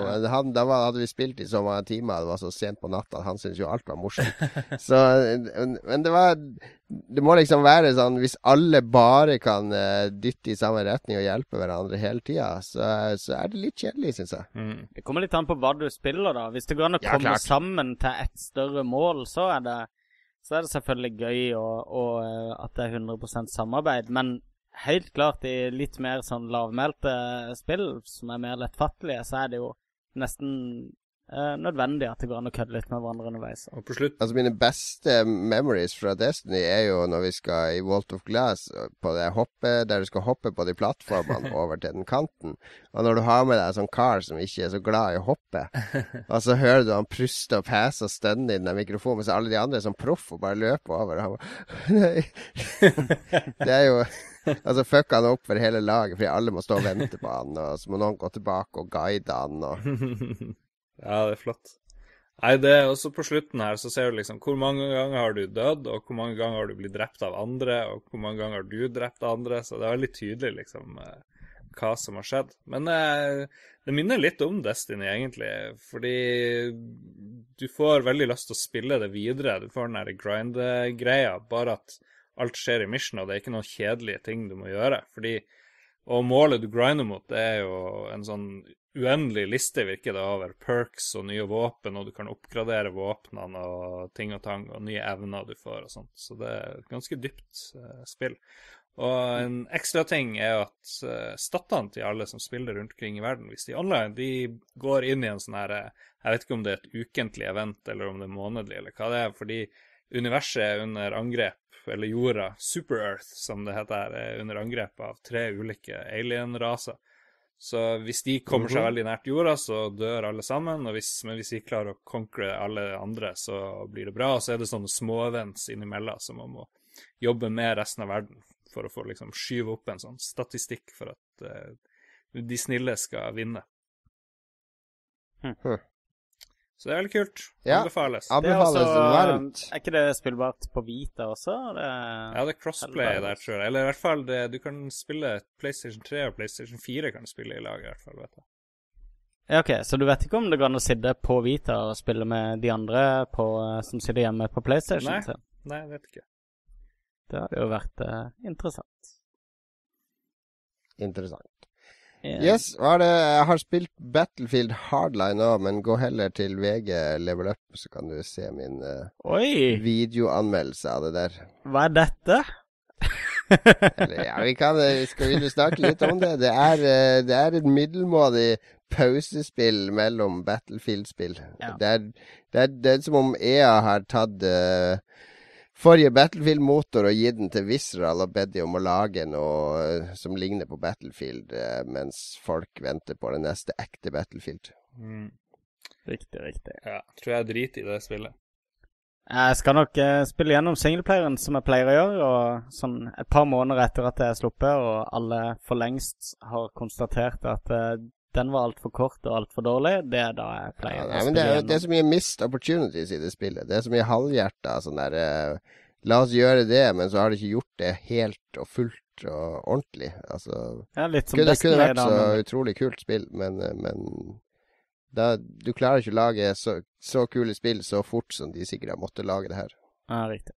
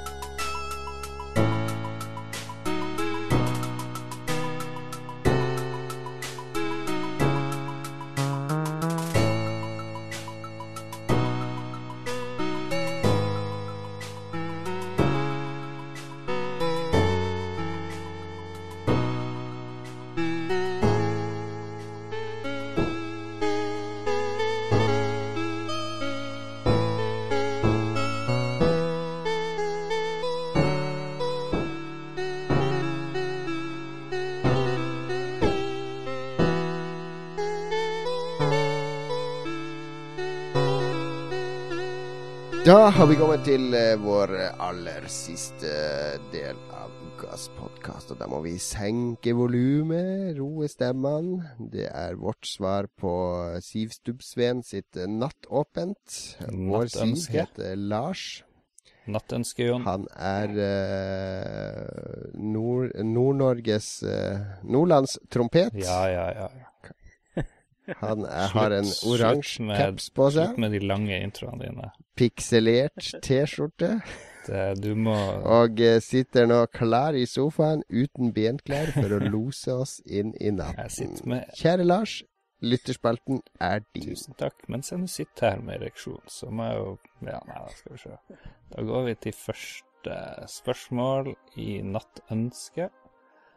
Uh, og det kommer fra Adrian som lurer på om frameraten er låst til 30, eller dropper den merkbart under. Ja, det er ofte på Google Hangouten vår, så går den ofte under 30. jeg, jeg, går ut fra han spør om Witcher 3. Jeg vil, jeg vil tro det. Jeg er jo verdens verste fyr til å sende ut for å måle spill sånn teknisk, eh, for å se om det er 720P eller 900P eller hva det er. Jeg spilte det på en PC med GTX 980-kort. Uh, og uh, som vi snakka om i musikkpausen, som dere ikke hørte, er jo at den bilden er et par måneder gammel. Uh, spillet er komplett nå hos CD Projekt, sa de til meg når jeg var der. De bare glatter ut alle bugs og dobbeltsjekker ting og osv. før release. Uh, men ja, frameraten var bra. Det var sjelden jeg opplevde merkbar hakking og, og, sånne ting. Om det var låst til 30, det tør jeg ikke å si. Men jeg opplevde aldri at, den, at, at det hakka. Det gjorde jeg ikke selv når vi sloss mot en diger griff, eller når det var mange folk på skjermen. Var det mye anitropisk, anisotropisk, MFX, AA, eller var det popla pop, pop, pop? Ja. Nå var du tom for, uh, tom for terminologi. Jeg, uh, du kan det, Spør Mats. Han kan sikkert finne det ut av å se på Twitch. Ja, nei, jeg kan ikke, kan ikke det. Vår venn Blufsa, også kjent som Torbjørn, lurer på om SimCity er noe for en niåring, eller er det for komplisert? Eller har vi lignende spill å anbefale? Jeg vil tro det er til en niåring. Ja, det er på norsk, og det er veldig bra forklart, så han burde helt fint klare det. Ja, um, altså Min lillebror spilte de forgjengerne til disse spillene her. De der SimCity 2000 og og de betraktelig mer kompliserte forgjengerne spilte han nede i 6-7-årsalderen, så jeg uh, tror ikke du skal undervurdere kidsene på akkurat det spillet der. Jeg tror uh, og, uh, og, det nye SimCity er superenkelt lagt opp. Mm. Kjør på, Torbjørn. Mm. Den gamle TV 2-kjendisen Fredrik Wilborn, i hvert fall heter han F. Nicolai Wilborn, eh, sier ny konsoll er superspennende, mobilspill er lik med. Og da viser han til Nintendo og eh, sine planer om å lage mobilspill. Er vi ja, er, Og jeg high-fiver eh, herved eh, herr Wilborn over lufta. Mm. Du trenger ikke ringe en venn. Han må jo være i slekt. Det er jo ikke så mange som heter Wilborn i Norge, er det det? Det tror jeg ingen i Lolbua vet. Godt svar. Eh, vår venn eh, som jeg ikke vet hvem er, som heter Raggen, har alle spilt eh, Witcher-serien og foretrekker Selda fremfor Dragon Age. Så han lurer på om eh, The Witcher er noe for han. Han lurer på om det er noe puzzles å bryne seg på. Det er eh, definitivt mer Dragon Age.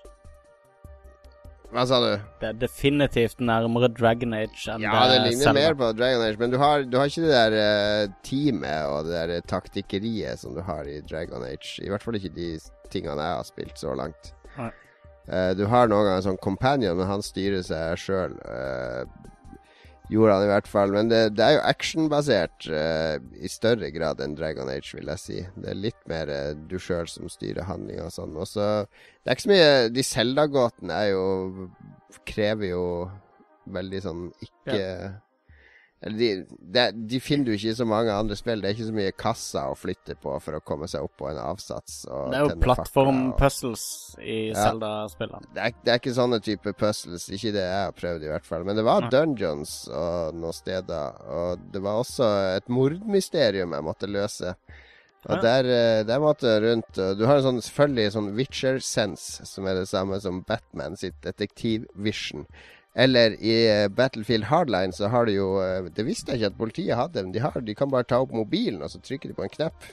Og så bare ser de seg rundt gjennom mobilkamera, og så lyser alt av bevismaterialet opp grønt. Ja, ja men det, det visste jeg. Det er sånn det funker. men det, det, har du i The Witcher òg, har det sånn Witcher-sans som gjør at du kan oh, trekke dyr og følge spor og, og, og highlighte sånn interessante ting. Så der Mordgåta, der måtte man liksom ned i en kjeller, og så fant man sånn stykke tøy, og så dit og datt. Men det var, det var mer hun som hun NPC-en som fulgte med meg, som forklarte meg hvordan alt hang sammen. Jeg måtte bare finne sporene for henne.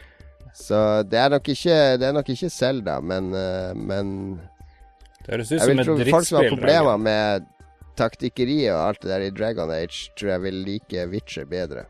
Men det er jo det samme med at eh, alle dropper forskjellig type utstyr, og at du hele tida må innom og selge ting du har i lommene, og crafte ting som du skal bruke, miner og sånne ting. Ja, det er ikke så mye sånn, for du har bare én karakter, ikke sant? og han bruker to sverd. Så det er ikke sånn at du finner hamre og økser og buer og Nei. alt mulig, sånn at du kan switche helt spillestil. Du skal ha et sølvsverd og et vanlig sverd, og du finner nye og bedre sverd enn de, men det er veldig greit å se er, er det mest grønne tall på det nye sverdet, så, så er det bare å oppgradere det, for da er det kraftigere. Og det samme med rustning. Og med Det som tar mye tid i Dragon Age, det er jo at du har et party og skal drive og crafte items til alt mulig. Men det er sinnssykt mye sånn planter og drit i The Witcher, da, så du må crafte potions og olje og alt mm. mulig sånn. Åssen var det? Fikk du noe inntrykk av det i The Witcher om for det, i, eh, i toren så følte jeg på en måte ikke at jeg fikk bruk for så veldig mye av de der oljene og potionsene eh, underveis. Fikk du ikke bruk for så mye olje i toren? jeg håpte vi skulle klare hel sending uten oh, toervitser. Du bare spaserte rett inn i den gropa og, og gikk lenger og lenger ned. Mm. Uh, Sabrura. jo, jo, jeg fikk faktisk bruk for det. De har, som jeg sa, altså alle monster har sånn lang encyklopedia-entry og der står det sånn hint om uh, Eller relativt konkret at du bør bruke den oljen og, og, og mm. sånne ting når du skal slåss mot det monsteret for å få en fordel. Ja, men det er kult, da. At de, har, eh, at de tvinger deg til å ta i bruk litt mer av, av systemet der. For det var litt ja. av greia i Witcher 2, var at, uh, som jeg nå, fra nå av skal kalle det, for å være trygg Uh, um, så finner du veldig raskt ut hvor mye av gameplayet du egentlig bare kan på en måte luke vekk.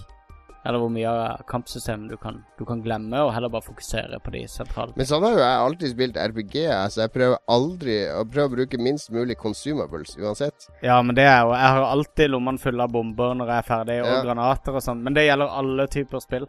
Ja. For jeg har alltid en følelse av at det kommer en boss etter siste bossen. Som jeg trenger Jeg får sikkert bruk for det senere, så ender man opp med sånne 100 av hver sånn consumable når ja. spillet er over. it, it puts the lotion in the basket. Um, Men takk for spørsmålet, Raggen. De beste spørsmålene er alltid de der vi ender opp med å snakke om noe helt annet enn det du spør om. Som toeren. uh, også en, enda et spørsmål til teknisk uh, innsiktsfulle Jon Cato. Fampar lurer på om du har lagt merke til noe downgrade i grafikken i forhold til de første trailerne, uh, Jon?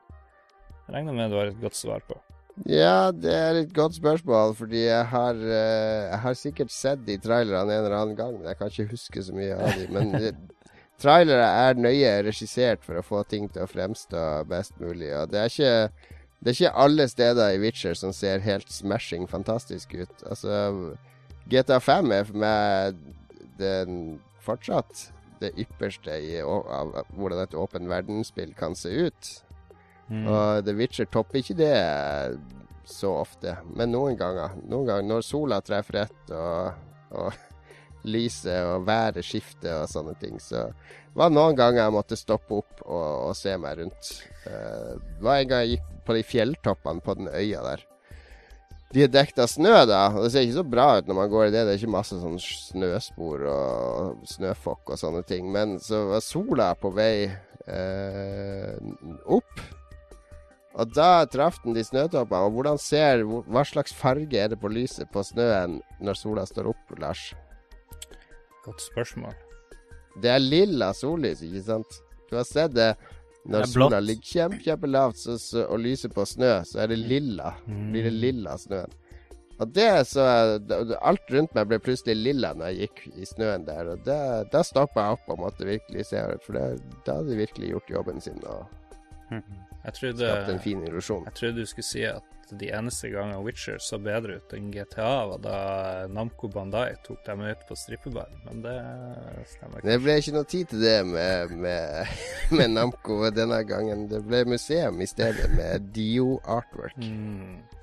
Trist. En dårlig tur, med andre ord. Skal vi se.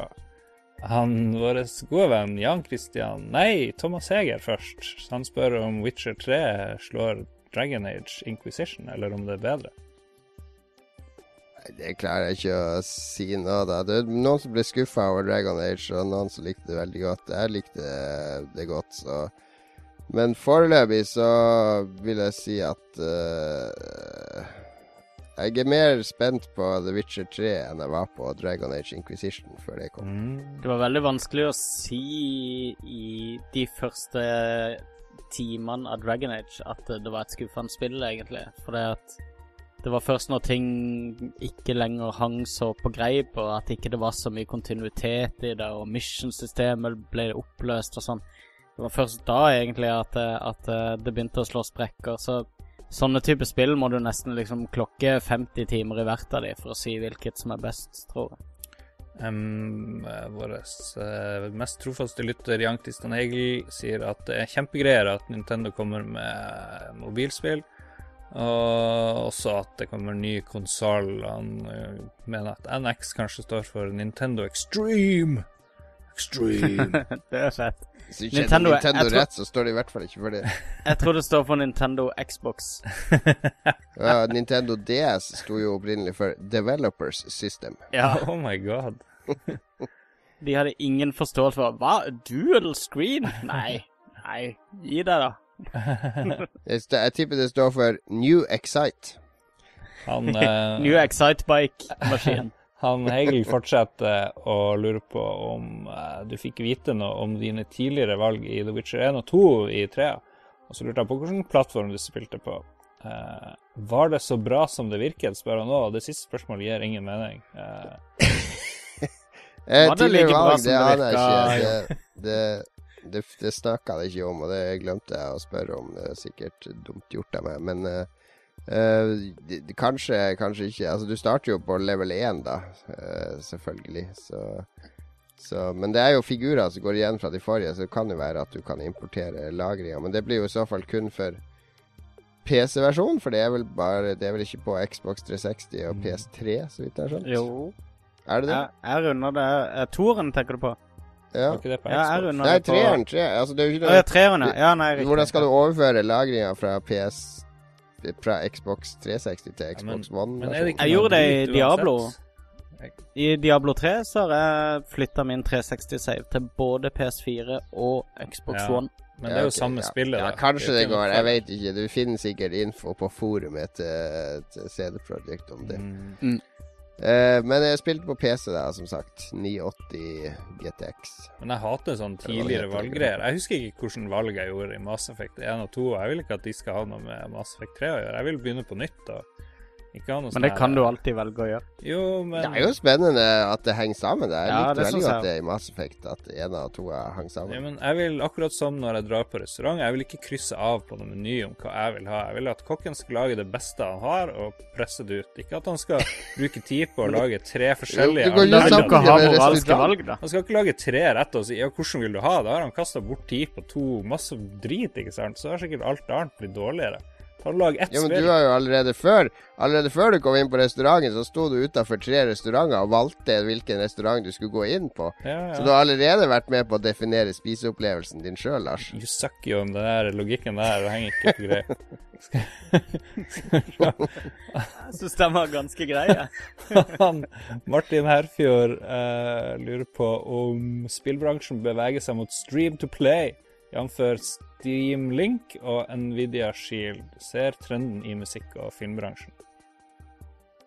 Uh, jeg håper det blir uh, mer av det. Jeg tror det er flere år enn vi tror til det er ordentlig etablert. Men jeg håper jo at det, det blir mulig, akkurat som ja, alt vi ser av film og TV-serier, er jo Du vil ha litt sånn legga PlayStation Now jo før jo Mm. heller. Du vil ha legga PlayStation Now-opplevelse jo før jo heller. Nei, jeg vil jo da ikke ha det legga, så jeg tror det vil ta flere år enn en, en, uh, utvikleren vil ha oss til å tro akkurat nå, til, til Ja, det er realiteten. Jeg tror heller ikke netthastigheten er der. Det, det har så enormt mye å si. Altså, jeg har vår venn eh, Lolbua-venn Tore, som spiller mye Destiny, han er jo slutta å spille det på TV-en sin fordi det legger for mye. Han, og, han, han spiller bare PlayStation på en monitor nå. Det er jo galskap. Jo, jo, men han hadde en ganske ny Samsung, og så, og så i jula så var han et annet sted enn hjemme, så hadde han med PlayStation og en monitor, da, så han kunne Mm. spille Destiny i jula. Og så spilte han masse der i jula. Så når han kom hjem og kommer han på TV-en igjen, så var, føltes bare helt feil. Men da har han jo sannsynligvis en TV som, som, legger veldig, da. Som ikke er så optimalisert for uh, Ja, det finnes TV-er som er optimalisert. Men når du merker det bare i en TV, at, at det er sånn 20-30 millisecond latency ja. Det, du klarer ikke å komme under det på, på, en stream der du skal sende dine signaler til en server, som så skal sende responsen tilbake til deg. Mm. Nei, det er sant. Og, og, få det visuelt på en skjerm. Da skal den serveren stå uh, rimelig nært. Europe. True that. Så, Martin så jeg håper ikke det skjer. Det funker selvfølgelig på mange spill, eventyrspill og mm. sånn, men, uh, men actionspill, så, så, så, tror jeg det er vanskelig. Tingen er at det, det må være en overlapp der, akkurat som det er nå på fysiske og digitale produkter, da, så er det en overlapp hvor du har mulighet til å kjøpe spillene i butikk, og du har mulighet til å kjøpe de online. Og sånn må det jo være med stream og, og eiespill også, selvfølgelig. Mm. Uh, han Andreas Røise Håkonsen sier Oh yes, The Witcher 3 av alle spillene som kommer i år, er det det jeg gleder meg aller mest til. Gleder meg til å høre Jon Catos inntrykk, og de har vi nettopp fått. Og hvis dere lurer på noe mer, så er det bare å sende melding til han Fleksnes eh, på Twitter. Så får dere takke han, akkurat som dere kan sjekke eh, Magnus Tellefsen på Twitter og Lars Rolsen på Twitter. Og så må dere huske å like oss på Facebook og finne nye kanaler våre på YouTube og Google Pluss, men Google Pluss suger, så hvem bryr seg? Har vi Google Pluss-kanal, uh, ja, vi har det. egentlig? Vi har det. Har vi, vi har eh, Twitch, og, og, ja, har vi ikke det òg? Ja, men den har vi aldri brukt. Ja. Vi har Twitch-kanal, vi har Twitter, vi Facebook. Um, hva annet er det? Har vi en LO-kanal? Uh, vi er jo på L. ja. Ellos. Ellos-katalogen. Ello er jo not safe for work, så det er jo strengt tatt det eneste stedet eh, sosiale medier vi kan være på. ja, riktig.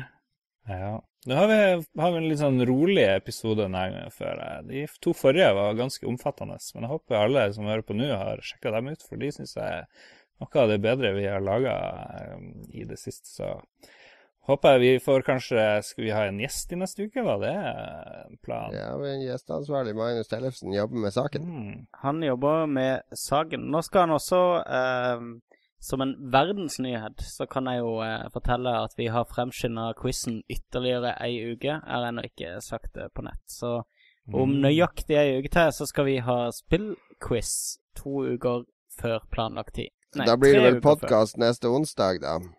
Eh, ja. Så uh, Og da kan, passer det jo kanskje bra å rekruttere en gjest fra quizen? Det pleier å gå ganske bra, så det bør vi klare. Ja. Mm. Da blir det altså en quizgjest neste gang.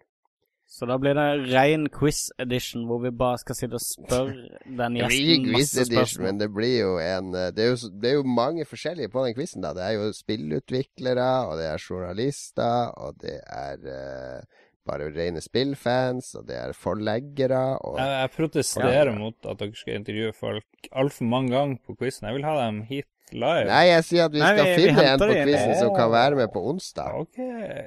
Da er det, jo... det er mange som har snakka om dette her med um, Det er flere av de som stiller opp på quizen vår, som snakker om at uh, det er kult bare sånn nettverksmessig å dukke opp der. For det at uh, det er liksom en ganske sånn stor slice av eh, spillutvikler- og utgivermiljø i Oslo eh, på våre quizer på Tilt. Boring ja. quizen. Sikker på at den er drit. Bare drit. Aldri vært der. Du er en mye bedre quizmaster enn oss, eh, Lars, og vi savner Jeg har ikke sagt at quizen er så dårlig, jeg bare sier at det er sikkert kjedelige folk som er der. Å ah, ja. Så du sier vår quiz er sannsynligvis dritbra, men gjestene ja. våre suger? Perler for svin, med andre ord. Dette er, det er meget bra oppladning fra Lars nå for å rekruttere en gjest uh, fra til neste episode. You're doing a good job! De er sikkert flott. Ingen som har lyst. Right. OK. Nei, men skal vi gi oss for i dag, da? Mm. Ja. Det var godt å være tilbake. Det føltes veldig rart å ikke være med på podkast forrige uke. Det var godt å ha deg tilbake igjen nå, Jon Cato. Ja, takk, takk. Ta takk til alle som hørte på i dag. Og vi høres igjen om en uke. Ha det bra. Ha det.